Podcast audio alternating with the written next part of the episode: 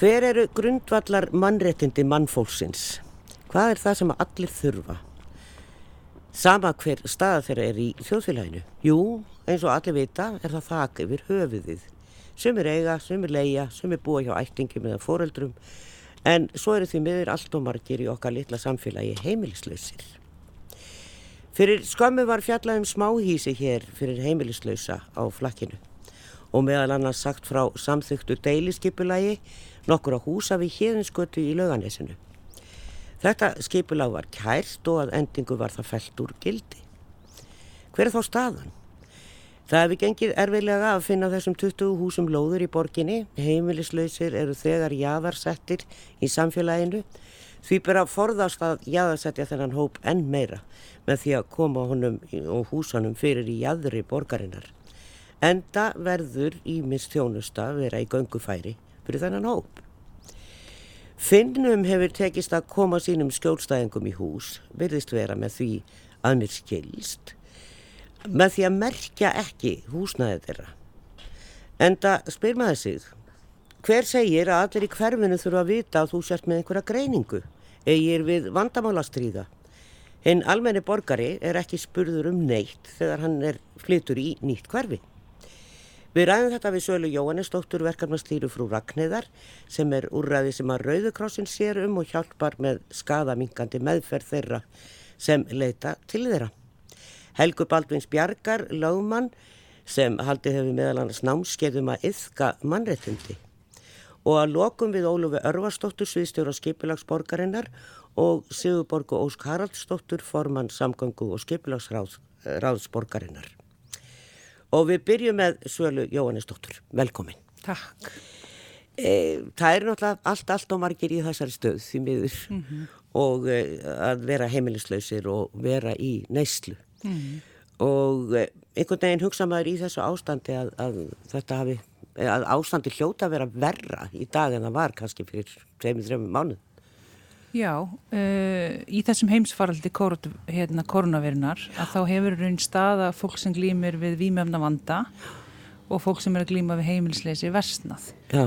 og það er kannski aðalega vegna þess að staðan og ólögulega výmjöfnavarkanum hefur í raun uh, er orðin mun verri en nú var fyrir veiruna. Já. Það hefur myndast ákveði ójapvægi, það hefur skortur ákveðin livjum og, og výmjöfnum sem hérna hópur fólks er háður.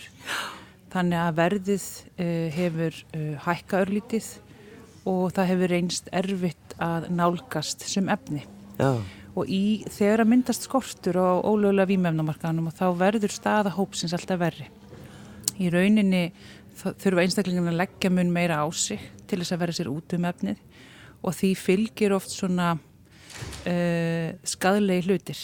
Já þannig að harka og ofbeldi í rauninni hefur aukist og við frú Ragni og aðrir sem vinna innan málaflokksins og, og, hérna, og lauruglan hefur talað um að uh, ofbeldi og harka í undirheimunum hefur aukist Já. í ljósi COVID. Þannig að þetta er svona ein hliðin af því að, að staða uh, þeirra sem leitaði í frú Ragni hefur raun versnað í ljósi ástandsins. Sko, eh, hverju leita helst í bílinn? Þetta eru helst uh, þeir sem að nota výmefni í æð. Mm -hmm. Frekar en einhver sem er á við drikju vandamál að stríða. Já, sko, okkar helsti markkopur er uh, fólk sem notar výmefni í æð og það er í rauninu svona svo leið uh, í výmefnan okkur sem er oft talin áhættu sömust. Það eru munmeri líkur á ofsköndum og döðsföllum og óafturgráðanskaða sem fylgir þeirri. Ja. Þannig að okkar verkefni er fyrst og fremst að ná til þessara einstaklingana. Uh, síðan er svona 60-65% þeim sem leita í frú Ragnir sem eru líka glíma við heimilsleysi. Ja. Allir þessir einstaklingar glíma við svo kallan fjöldþættan vanda. Ja. Það er oft mikil áfallasaga sem liggur á baki þeirra sem glíma við þungan výmefna vanda, geðraskanir uh, og margskona vandi sem fólk er að kljást við. Ég skil. Þannig að e, þetta fólk er sem sagt jafn hústæðanslaust og margir aðrir sem eiga við annan vanda að stríða. Mm -hmm. Í þessum hópi virðist vera bæði fólk með geðran vandamál, áfalla, streyturöskun, výmefnaneyslu, áfengisneyslu. Þetta er stór hópur og mismunandi. -hmm. En er eitthvað, sko, þið hafið engin úrræði að beina þessu fólki eða hvað, getið þið beint þeim eitthvað til dæmis varðandi heimilisleysi? Já, við sko, við sinnum mjög mikill eftirfylgni í frúragni.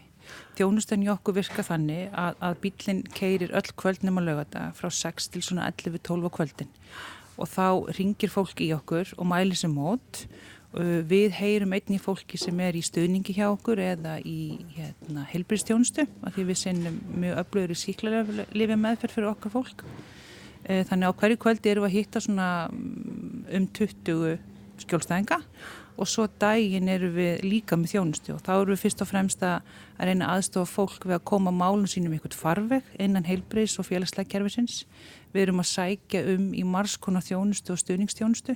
Við til dæmis vinnum mjög náið með úrræðanum hjá Reykjavíkuborg, gistiskílinu vorteiminu. Við erum í daglegum samskiptum við vorteimið og við, við sækjum um uh, stuðning frá vorteiminu fyrir okkar fólk. Vorteimi, hlustandur spyrja öruglega hvað er vorteimi? Emmitt.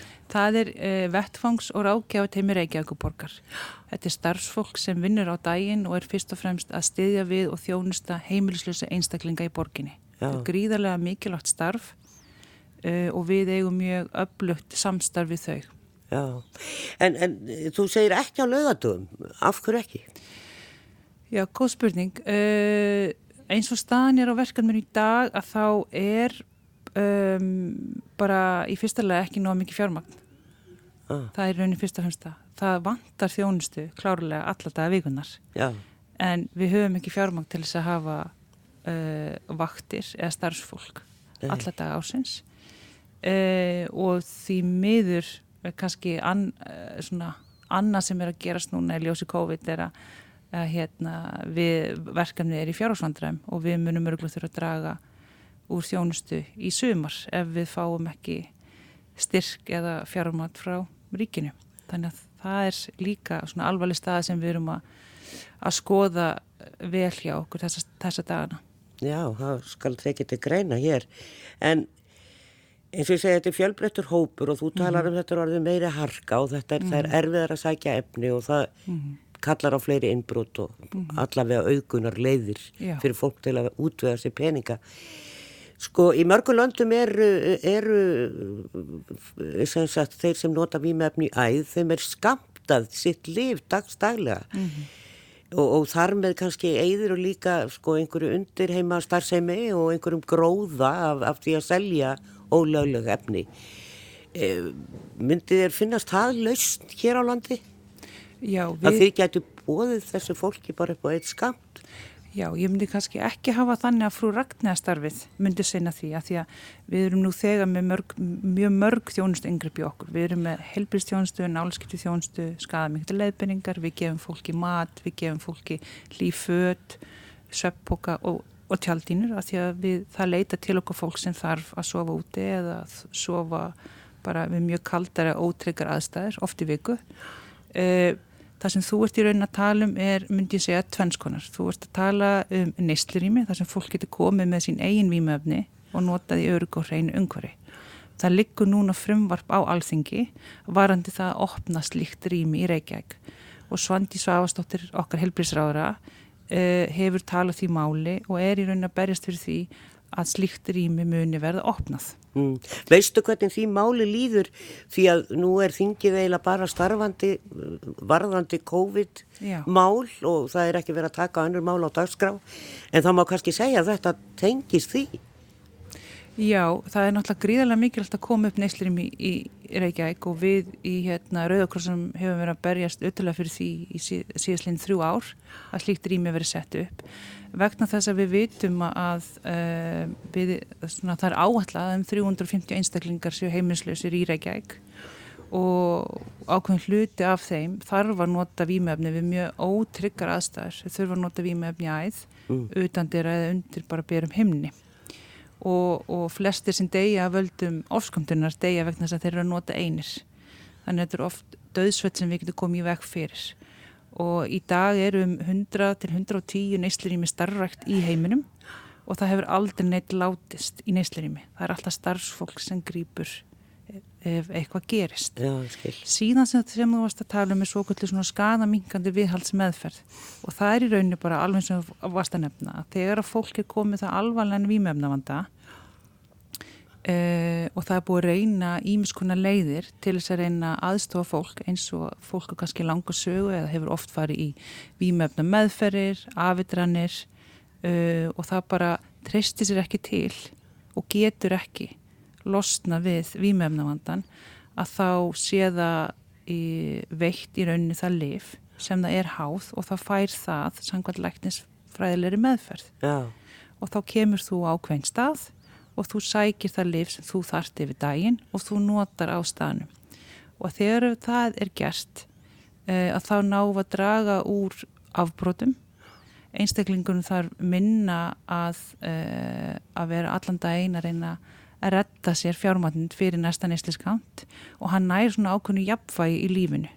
Þannig að það myndast svegrum og tími og í raun geð hilsa til þess að vinna með undirleikandi ástæður fyrir því hvers vegna fólk þróa með þessu výmefna vanda. Þannig að við erum fyrst og fremst að ná stabilisera fólk. Mm. Uh, við í Rauðakrossunum og hjá frú Ragni höfum talað þessu máli um að það er ákveðin hópur sem tristir sér ekki og getur ekki hægt výmefnanókun og við verð, verðum sem samfélag að koma á móts við þennan hóp. Og þetta er einn uh, mikilvæg leið. Og þetta er gaggrind meðferð sem er notað í fjölum mörgum löndum. Mm. svo kallu skada mingandi viðhalsmeðferð Við sjáum hvað setum með það en kannski í lókinn svala eh, hefur komið upp eh, koronasmitt hjá þessum hópi sem þú hýttir kannski mjög reglulega Nei eh, það sem við allavega út frá sko hérna, það, það sem við vitum og höfum heist og frá okkar samstæðstælum þá hefur enginn sem er heimilslaus smittast að COVID og enginn með alvanlega výmöfnavanda hefur smittast að COVID það hafa uh, nokkra einstaklingar hérna, farið inn á sóttvarnarhótelið sem eru heimilslausir og með, með výmefnavanda en það hefur alltaf komið neikvægt úr sínatökum. Þannig að það er mikið gleði efni að það hefur ekki komið neitt smitt innan þessa hóps það, það er mjög erfitt fyrir þennan hóp að fylgja smittvörnum og þegar maður er heimilslaus þá getur maður ekki haldið sér heima. Uh, en mér langar að segja að í ljósi COVID þá hefur samstarf allra aðila aukist mjög mikið. Okka samstarfi landsbítalan, öll úrannjá Reykjavíkuborg, laurugluna, S.O.A. er orðið mjög þjættara og við erum að tala mér saman og við erum virkilega að reyna að finna leiðir til þess að aðstofa fólk eins og hægt er. Að því við erum öll að finna fyrir því að hópurinn í rauninu orðin veikari og staðan er orðin verri í ljósi ástandsins. Mm. Gott að heyra það, ekki veitir af samvinnni. En hjá okkur situr líka Helga Baldvins Bjarkar, lagmaður og þroskaþjálfi sem hefur talað fyrir því að yfka mannréttindi. Velkomin. Og, og þetta er svolítið skemmtilegt, þetta er eins og maður yfkar íþróttir og þá yfka maður mannréttindi. Hvernig gera maður það? Hvað er það? Það er góð spurning. Það er náttúrulega með því að setja þetta í framkvæmt en ekki bara tala um að maður sé fylgjandi mannréttindum. Að yfka þau er í sem allra styrstu máli bara yfka virðingu sem grundu allar kjarnar mannvirðingu fyrir öllum óháð fjölbyttileika Já og þá eru við að tala um líka þennan hóp sem að er heimilislaus Já.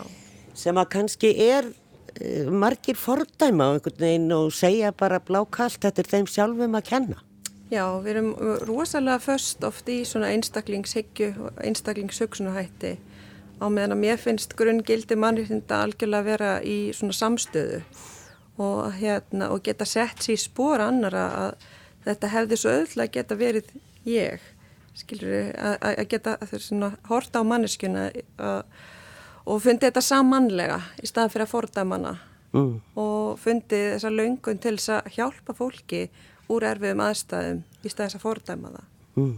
Nákvæmlega. E, e, hefur þú eitthvað komið nála þessum e, jáðsettu hópum og þá hvernig ef, ef þú hefur gert það? Ég, ég náttúrulega fer eiginlega í lögfræði og lögmennsku í rauninni til þess að verða betri þróskaþjálfi, til þess að stiðja betur við réttindi fallarsfólks og vinna á því sviði. Og mér finnst einhvern veginn jáðsettir hópar eiga svo margt sameigilegt hvernig komið fram, hvernig fjármagnir varið Uh, og hérna og ég vinn mjög mikið fyrir jáðarsett fólk sem lögmaður. Já, uh, fyrir fólk með þróskaflun, fólk með geðrann vanda og hérna og reyni að að sem sagt, gera það þannig að fólk geti fengið aðstóð lögmanns eða þarf þess þótt að hafi kannski ekki fjárháslega úrræði. já, ég skil. Ég nefndi það hér í upphafi að, að finnarnir virðist vera því sem ég hef komist næst. Eh, þar sem Íslandingar hafa skoðað þetta, þá virðast að hafa einhvern veginn náða að koma því í gegna að koma sínum skjólstæðingum í hús, doldir rætt, með því að merkja ekki þeirra húsnaði. Man fer svona veltaði fyrir sér hvort það er eitthvað í persónuvendarlögum, til dæmis um það að, að þegar það er að deiliskypulegja eins og til dæmis þessa byggðir fyrir þessi smáhísi sem að mörg eru komin til landsins, en það finnst ekki plás. Af hverju eru við að merkja og það eru náttúrulega svona úrræði út um allan bæ, það eru, Einmitt. Eru heimili fyrir fólk í vanda og, og en, en það er, fer alltaf fyrir uh, deiliskypulaði breytt og, en samt er ekkert verið að breyta byggðinni Nei, það er bara verið að breyta íbúðunum Nei, ég held að þetta sé bara einmitt svona grundallar hugsunar uh, villa einhvern veginn uh, og, og þetta sem þarf svo mikið þegar maður er yrka mannhundi. Og það fælst rosalega mikið í því að sætta sig ekki við lélegri meðferð á einhverjum öðrum heldur hún myndir sætta við gafkvært sjálfur og, og þínum. mm. Og hérna við erum bara held ég frekar aftalega á meirinni með persónuvendar sjóna með gagvart jáðasettum hópum. Við erum ennþá með byrtingar og viðkom persónugreinlegum upplýsingum í dómum. Við erum með, eh, í símaskráni getur við flett upp hver býr á búsendikjarnar fyrir falla fólk já, veist, og hérna og þótt að, þetta sé ekki persónugreinanlegar upplýsingar áður en að fólk flytur þarna inn þá verða þetta það þegar fólk flytur inn og þú getur séð hver skráður já, þannig að hérna og eins og þú nefndi bara í upphafi af hverju finnst okkur í lægi sem samfélag að taka ákveðin hóp og spurja má þessi flytja einn inn? Já, ég þurfti ekki að fá neitt leifi veist, af hverju finnst okkur þetta eðlilegt sem samfélag? Og þá er að við erum svo óbúrslega ómeðvituð um hvernig svona ómeðvitað fordómar bara virka við komum ólíkt fram við fólk eftir því hvers konar stjætt og stöðu og, fjölbyttileika það hefur já. Eh, Þú ert þróskatjálfur segir og þú kemur svolítið að þessu kannski á þeim væng en reynda líka sem lögmaður. Mm. Finnur þú fyrir fordómum þeirra sjálfra, skjólstæðingana, eiginlega bara sjálfum sér, mér finnst stundum eins og þeir geri eh, ekki rétt með þetta kröfur, við höfum að segja svo. Já, já, þetta er bara kallast innbyrt mismunun. Við finnum þetta hjá konum, við finnum þetta hjá fölluð fólki, öllu jáðasettu fólki. Já. Fólk finnur og það er svo fyndið. Við höldum svo oft við getum falið hvernig okkur líður gagvart öðrum og fordóman okkar en við skinnjum alveg þegar það er ekki borin virðing fyrir okkur og þegar allt samfélagið ber ekki virðingu fyrir okkur og hvernig ámar þá að, að lifa og hrærast í samfélaginu fullur af sjálfsvirðingu, takandi góðar ákvarðanir fyrir sjálfan sig þegar þetta er viðmótið. Mm. Við þurfum öll að fara á námskeiði að yska mannréttindi held ég. Mælum við. Já, en einhvern veginn finnst manni að núna í þessu ástandi þá ættum við að vera öll uppfull af, af, af eh, bara þrá að hjálpa sem flestum og koma fólk, fólki allavega í hús. En ég þakka þér Svala Jóhannesdóttir, verkefnasteyri hjá frú Ragnhið og Helga Baldvins Bjarkar, lögmanni og þróskaþjálfa eh, fyrir spjalli hér og við heldum áfram hér og eftir. Og við ætlum að heyra eins í Eithori Gunnarsinni á piano og Jóeli Pálsinni á saxofón. Leika fyrir okkur á plötunni Skuggsjá. Spiladósalægið eftir hana Andruð Gilva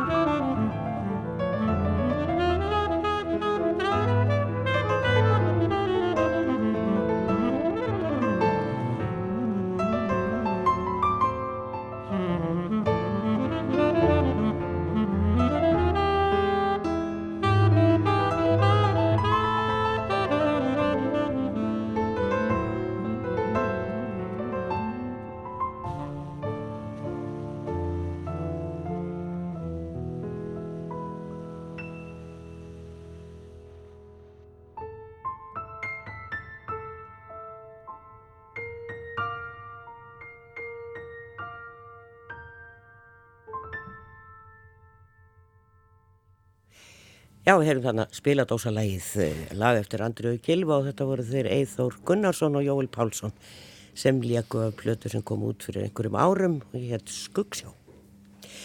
En við erum að fjalla um erfileika borgarífivalda að finna nokkrum smáhísum lóð í borginni.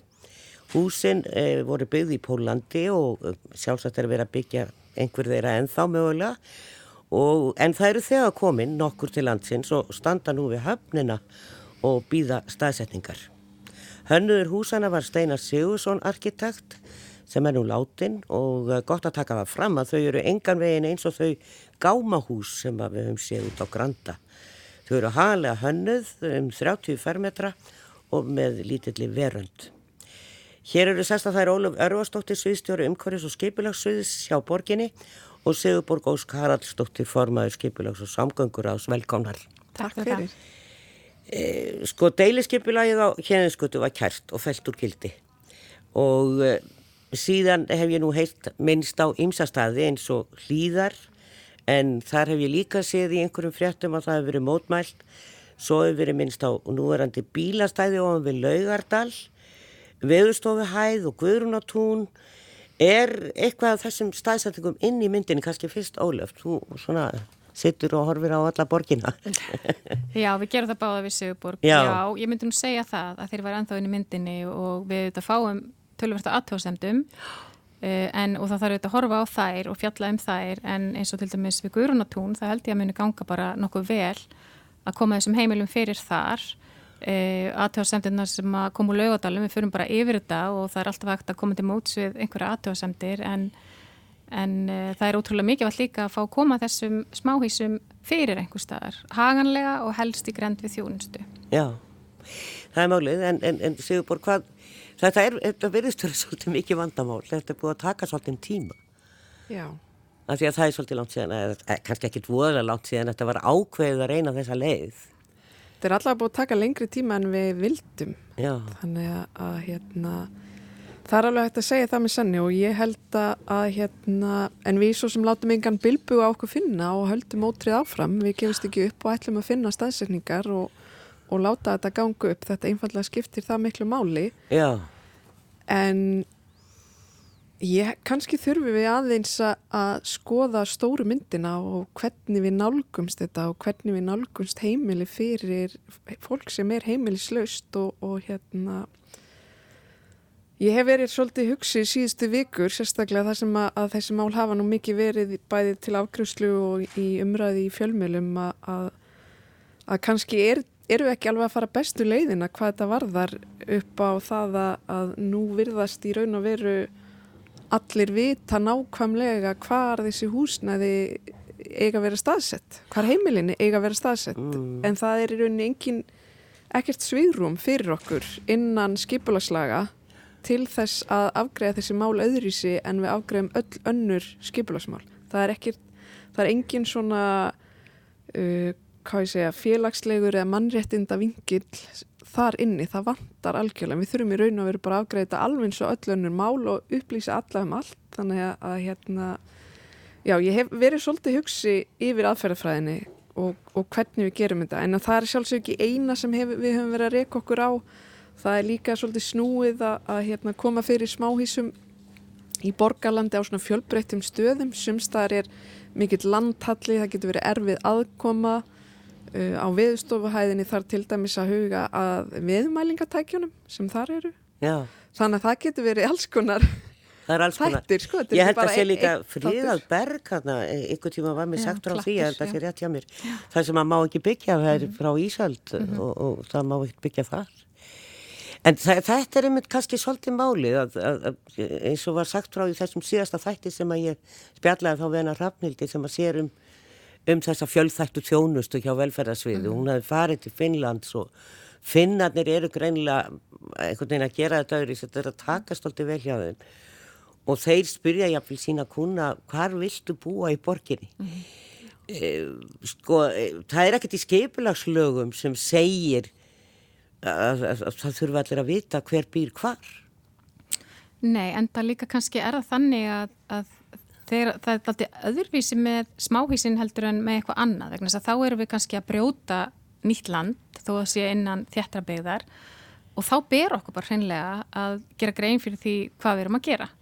Eh, og við myndum bara í engum tilveikum held ég nýta landið, eh, hafa svona litla nýtingu á landið, svona misvæðis sem við verðum að gera í þessum tilveikum, þannig að þarna er þá oft heimilisfólk, tilvonandi heimilisfólk með einhvers konar sérþarfir eða, eða þarf einhvers konar hérna, sérstak úrræði eða sérstakka staði til þess að búa á, hreinlega. Eh, þannig að, að, þetta eru auðvitað svolítið svona um, annars konar skipulag heldur en værum að, að uh, gera oft á tíðum af því að, þannig eru sér afnótafletir, sér ingangar og svo framvegi sem oft er bara meira í útkverfum en, en uh, oft er líka bara hendur að fyrir fólk að búa nær þjónustu uh, og öllu slíku. Þannig að þetta er svona aðeins öðruvísi. En ég við höfum alveg verið að ræða okkur á milli hvað hvernig eigum að útskýra þetta þegar við erum að grenda kynna afmarka skipulagsvæði, stækka jafnvel eldra skipulagsvæði, við erum búið til skipulagsskilmála og allskyns þvíumlíkt og hérna ég held á einhverjum tíma í umræðinni er það alltaf spurt hvað er Reykjavík borg að fara að gera þarna? Hver, hvernig verður þetta? Og þá þarf maður að svara þeim einhverjum hætti en það verður þá bara að gera það með tilliti persónavendar sjónameða og mannreitinda og ég hef sundum þegar við höfum verið að grenda kynna einhverja breytingar gegn tíðina þegar ég var verkefnustjóri hjá borgarskipulega yfir lungu lungu síðan og það var kannski verið að búa til búsetu kjarna eða eitthvað slíkt inn í gróinni byggð og, og það fór í grenda kynningu að því að þau ert að byggja við andri eða eitthvað slíkt. Og það snýri svo oft um hverjir ætti að búa í húsunum. Og það er bara eitthvað sem er prívat. Alveg sama hvað þarfir þú ert með. Já, þú veist, hvort já, að fólk sem með gæðra vandamáli eða bara hreinlega búið einhverja líkamlega föllun eða, eða hvað það er, það er bara einhvern veginn eh, sama gildur um þetta og annað þannig að við höfum alveg verið að ræða það að skipilaslögin setja okkur einhverja skorður og við fylgjum þeim en kannski eru bara ættu að vera einhver aðra krítirjur þarna eða einhvern veginn öðru sem fara með þessi mál. Já, það er alltaf verið að breyta uh, aðalskipulagi og gera nýtt deili skipula og, og sérstaklega núna undarfarið þjættingu byggðar. E, sko e, það, ég skil alveg og eins út komin inn í gammal hverfi við hugsaum gamla bæin í Reykjavík og einhver allar að byggja hæðun og setja kvisti eða bílskur þá þarf það að fara í grendakynningu mm -hmm. en það spyr enginn hver býr í þessu húsi. Nei, e, veist, það, það er ekkert verið að spyrja fólk um það. Nei. Það er samt líka áhugavert þegar við erum að gera stúdenda íbúir þá koma mikið af alltjóðsendum um það. Bara stúdendi fylgir hávaði djam, veist, við, það er líka ákveðin díalóg, við byggum stúndagaran yfir Lindagötu fyrir margt lengur síðan og eins við Aragötuna.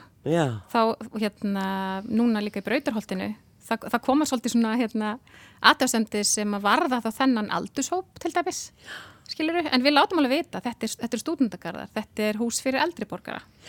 Uh, flestir slagið með þá sko. Já, ekkert fjörg á þeim einhver Jú, jú, vonandi bara. En allavega við, við þekkjum þetta svo sem alveg að, að, að, hérna, að þetta verið skipta máli auðvitað. Uh, en svo hins vegar eru líka alltaf inn á milli Eh, eitthvað sem kemur manni bara svona þægilega óvart að nú eru við með íbúðir, litlar íbúðir á ringbröðinni þar sem eru búa konur um, með tvíkreindan vanda og uh, þegar það byrjaði að fréttast í Vesturbænum einhvern veginn að þá verið að breyta hann að gisti heimili í þessar litlu íbúðir þá voru þær bara búin að velkomna í hverfið og ég býð hann alveg við Já, og ég. það er bara, bara ljómandi fínt að hafa þessar ellir íbúður þar sem konum með tvígrandan vandabúa og bara fint í flórunna og allir hittast í mellabúðinni sko. þannig oft er þetta líka bara einhver óþarfa ótti eða áhyggjur við það sem fólk þekkir ekki Nákvæmlega Það er, ef við nú einmitt vera þannig að þetta er eh, óttin við því óþekta en eh, sko manni, maður, það, við erum alltaf að tala um finna uh mhm. -huh. einhvern veginn, eh, maður er bara búin að lesa þetta í blöðum og svo heyrir maður af þessu og og mann finnst það svolítið sérstakt fyrir að hugsa um hvort að þeir séu svo umbyrðalindir eða bara e, e, taka flórunni betur en aðrir. En hafið litið eitthvað til hinna Norrlandana hvernig er verið að leysa íbúavanda þeirra heimiluslösu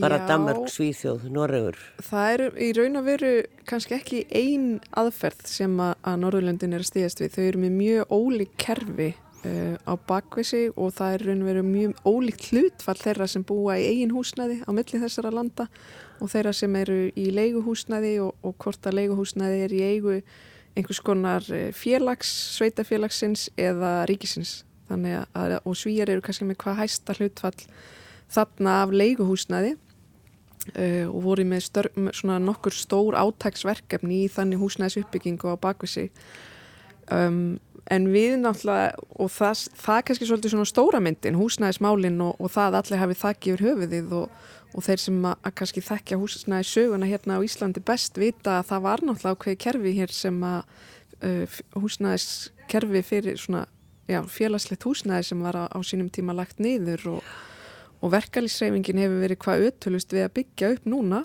Um, en það eru líka öryrkjabandalagið og og fleiri aðilar sem eru mjög duglegir að byggja og stúdendar hafa verið mjög duglegir og svo uh, byggingafélagin tvö sem að, eldri borgarar uh, eru með. Þannig að það er svo sem á góðri ferð og, og það er stefna í aðalskipulagi að allir í húsnæðis uppbyggingu þá farið 25% í þeirra sem hafi minna á milli handana og það hefur gengið mjög vel að framfylgja því, óhætt að segja það mjög vel. Og allir uppbyggingareitir að það er gerð eh, hérna, samningar við það um að yfirleitt fara kannski 15-20% til þessara aðila af uppbyggingamagninu uh, svo fer í kringu 5-8% það getur hlaupa einhverjum tölum uh, sem er þá forköpsréttur fyrir uh, félagsbústaði sem getur þá blandast inn í þá byggð Þannig að það í raun og veri hefur gengið, bara myndi ég segja einstaklega vel síðustu árin. En svo eru það þessir ekstra viðkvæmi hópar sem að, að hérna, og jáðarsettir hópar sem við erum sérstaklega að huga að eins og konur með tvígreinda vanda og svo náttúrulega uh, gistiskílinn og, og svo smáhísinn núna sem að, og þau náttúrulega snúast um að, að fó, fá fólk sem að hefur ekkert heimili að gefa því heimili. Já. og ekki gefa því bara einhvern stað til að dvelja og heldur gefa því heimili og við erum svolítið að stíga fyrstu skrefin í þessu. Uh, húsin út á Granda voru uh, tilrunaverkefni á síðasta kjörtímbili sem var síðan ákveða stækka á þessu kjörtímbili og við þurfum klálega að læra meira af öðrum þjóðum og, og hérna, miða við fjöldan sem við fáum að aðtöðasemdum að þá myndi ég segja að við þurfum að nálgast þetta einhvern veginn öðrísi og við þurfum að setja mannréttindin hærra. Það, það skiptir það skiptir meira máli en við erum að gera í dag. Við erum rosalega mikið að fara eftir bókinni og gera eins og lögin segja en ef það þarf að breyta lögunum þá eigum við að gera það. Þetta er allt mannan að verð mm -hmm. og það er einhvern veginn þannig að fórsenda fyrir því að þetta skipilega var fælt og gildi þarna á, á hérðinskutunni. Þar er þegar einhverja aðstæða fyrir, eh, fyrir fólk með vanda eh, en þetta er aðalega atvinnu svæði og það eru fyrirtækin á svæðinu sem að mótmæla og eru með rétt rauk, það er bara lagalega rauk fyrir því að þarna er ég ekki að vera íbúð og byggð. E, sko, e, kemur það, sko eins og ég segi, e, getur borgin ekki sagt, nei við erum að breyta hér deiliskypilagi, hér verða Jú, sko, ég er einmitt svo, það, það, það, það sem við sögðum við okkar svörum, hérna, í okkar svörum við aðtöðasemdum og ég verð að segja að þetta er auðvitað úrskurður sem kemur frá úrskurðunandi umhverjus og auðlandamála og ég er bara, og það er auðvitað bara úrskurður og þeirra tólkun og lögunum og okkar skipulegi, ég er bara ekki sammálað þessum úrskurði en við hlítum honum uh, að því að þetta er miðsvæði, þetta er ekki það sem smávísin eru við hérna er ekki hafnara og aðdamnarsvæði en það sem er lagt einhvern veginn til grundvalla þar er að við fjallum frá því að byggja hérna tölversta íbúðum á þessu skipulastjömbili uh, en við breytum ekki landnótkun og það meg að vera íbúður á miðsvæðum. Þó við séum ekki fara í stórfælda íbúð uppbyggingu þannig að þessi úrskurðu kemur mér óvart bara mjög óvart. Og hérna ég held að þetta svæði hef ekki búin neitt skada af þó þarna hefðu nokkur átt sér búsettu og við þekkjum þetta bara úr núru að breyta vogabeginni í, í nýtt íbúðsvæði og búin að gera það auðvitað, breyta allskipulagi og komið uppbyggingu. En um langt skeið bjó fólk þarna, það voru svona húsverðar íbúðir ofta efri hæðum þó það var atvinnisvæði samer á grandanum, við vitum alveg að það er einhver með ljósmyndastúdíu og býr við hliðina og eitthvað svo les og, og það gengur bara ágjörlega upp þó þetta sé ekki sérstök hérna, áhersla lögð á íbúðir. Og þarna bara er ég ósamála þessara nefnd og bæ bara alveg að vera það. Já, það, ekki, það er ekki aldrei allir samála en, en hugsaður út í, þú, þú veist nú að tala um það Sigurborg að það er svo sem verður að setja íbúðir Eh, inn í, inn í hverfin, þessi nýju hverfi sem að annarkort félagsbústaðir eða, eða verkalýsreifingin eða eitthvað slíkt. Mm -hmm. en, en það er svona kannski fólk sem er að fungera í samfélaginu, það eru alltaf einhverjir sem eru utangars og það bara verðist fylgja öllum borgarsamfélögum. Við komumst ekki tjá því. Er þetta eitthvað sem við hefum að gera alltaf ráðfyrir í öllu skipulagi? Hér er einhver prósent af íbúðum sem að koma til með að vera eiga við vanda að stríða og þá höfum við þetta tilbúið, þetta húsnæði. Þannig að það sé bara vita frá upphafi.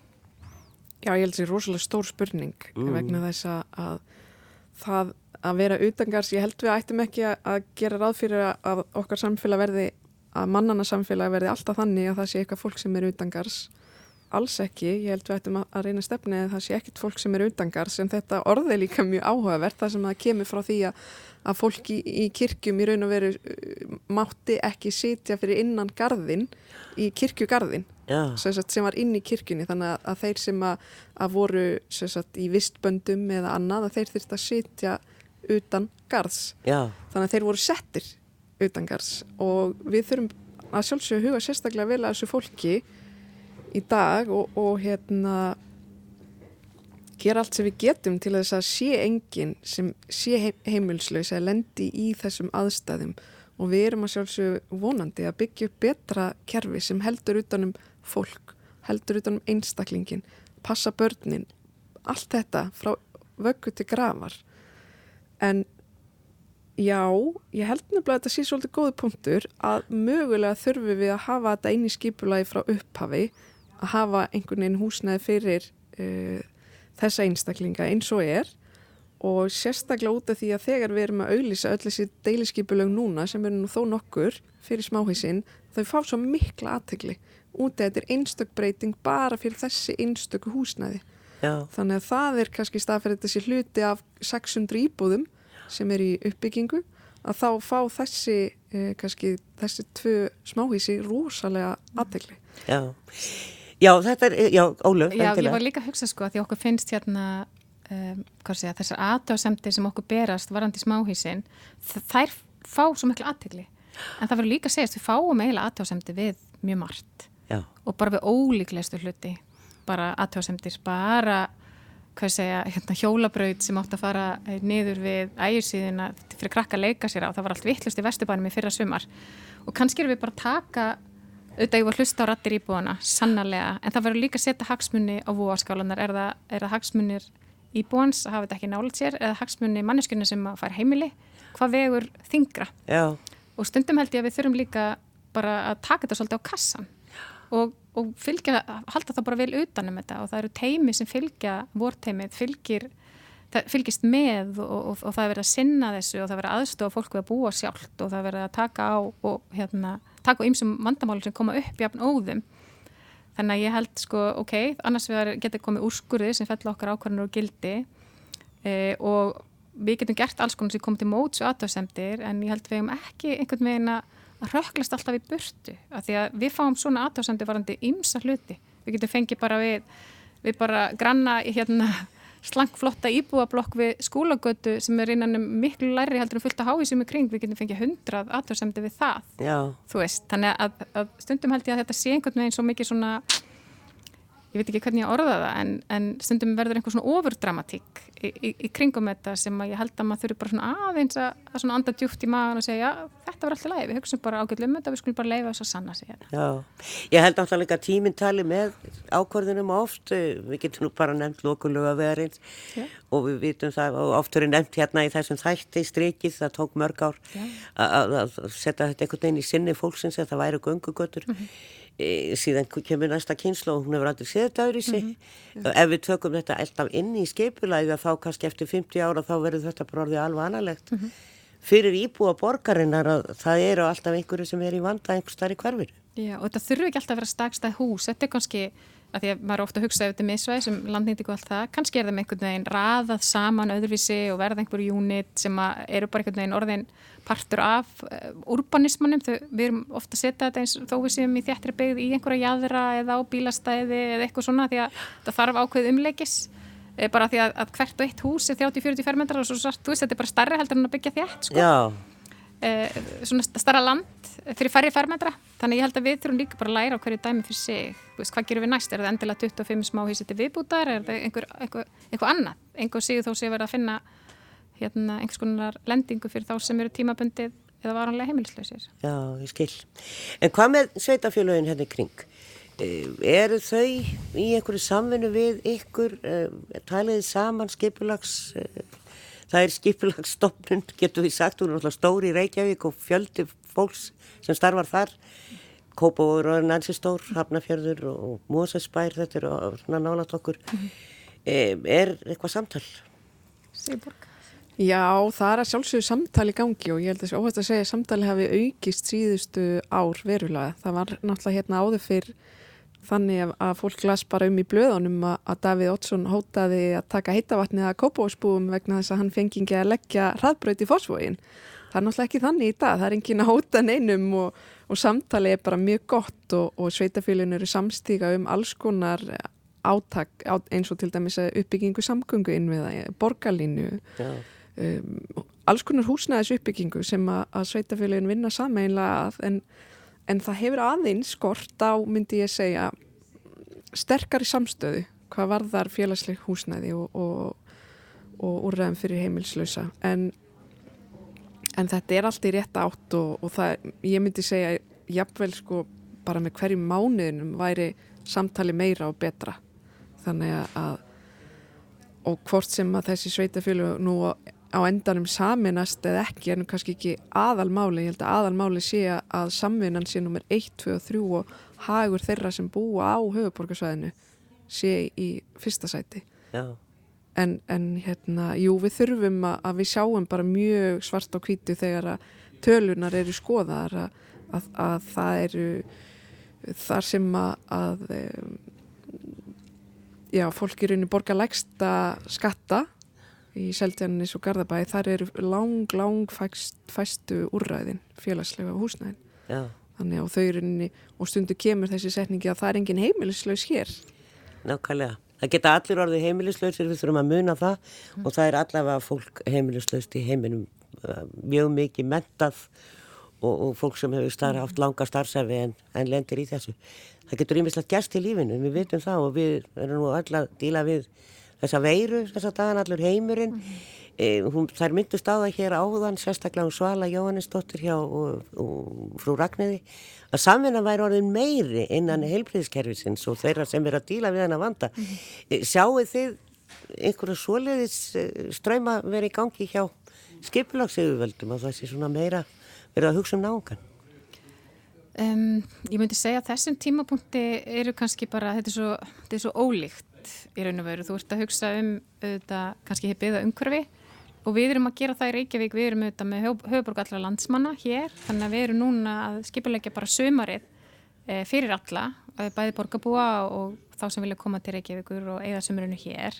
Og þá erum við auðvitað að hugsa um hérna bara ástandi eins og þetta og veiruna og hvernig við getum einhvern veginn fyllt öllum reglum samt láti fólk njóta og koma saman bæði að því að það er gott fyrir geðhilsuna og líka bara fyrir líkamann og bara hvað upp og komum við getum verið með og svo frammeins og við erum kannski ekki endilega í samvinnu við önnu sveitafélög um það eh, en við erum sannarlega finn ég fyrir sko auknu samstarf bara innan Reykjavíkborgar við erum með þetta 9000 manna vinnustæður og þegar við erum að hugsa um miðborgin í dag og nú er ég arkitekt og nálgast þetta oft frá hennu byggða umhverfi og einhverjum viðburðum og eitthvað þannig. Og ég fann það bara þegar ég var að setja upp eitthvað skipurinn hvernig við getum unni með miðborgin í sumar og þá var eitt kassin átagshópar það er bara hvernig nálgunst við þá sem eru búin að vera inni lokaði verður við með tónleika klukkan 2 á degi til nýri hljómskólagarðar sem eru búin að raða upp stólum og borðum og setja teppi ef einhvern koma og selja hliðin ekstra annar stað frá. Þannig við sjáum fyrir okkur að við verðum að vinna sérstaklega mikið með velferðarsviði, skóla og frísundasviði og svo framvegis í að laða fólk niður í miðborg, gera eitthvað sem bara hérna, gleður andan og, og lætur fólk fá fríst loft í lungun Þannig að ég finn fyrir því að maður einhvern veginn er í, í þessu smáa ef maður að hugsa um kannski, auðvitað er alltaf að hugsa um alla borgarbúa, ef maður að fara svona lengra inn í verkefnin, bara ok, hvernig náum við fólki upp í seljalíð, er þetta að keira þau svona, ok, þá erum við búin að stilla þessu, ég tek það bara sem dæmi. Já. Þannig að sannarlega svona þvert á kerfið inn í borginni, bara þvert á sviðin okkar sem eru gríla mörg, þá finn ég fyrir svona meiri nánt út af veirunni bara, og líka bara því að það er allir svo upptegnir að því að, að reyna að láta fólki líða semilega vel í sumar hérna heima bara. Nákvæmlega, það er það sem við gerum í sumar, mm -hmm. við verðum heima. En eh, hvernig standaði þessi mál svona í lokin? Hvernig standaði núna? Það er verið að hugsa um ímisvæði sem við byrjuðum á hér. Mm -hmm. eh, er þau vel á veg komin að gera nýtt elskiplega, búið að auglýsa eitthvað eða...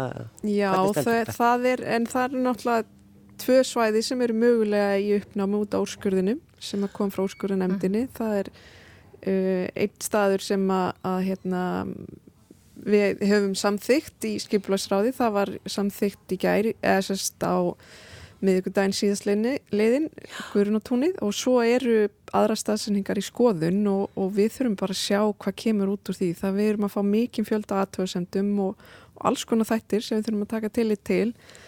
Uh, þannig að það getur verið einhverja af þeim stöðum en ekki ganga upp. Það Nei, getur bara farið þannig en hérna, nei en þá, við, við hættum ekkert. Við, gefum, við gefumst ekkert upp, við brettum upp ermar. Já, já. Segir það sama.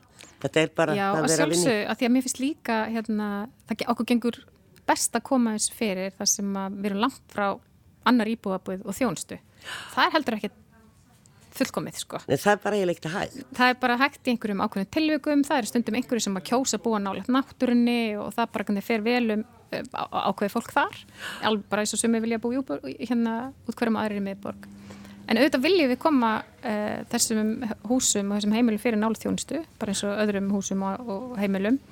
Þannig að ég bara tek algjörlega undir það eins og ég sagði á þann, ég held við þurfum líka bara svolítið að, að bara gera þetta. Já, prófa þetta. Já, bara Já. og sjá þetta gengur. Já.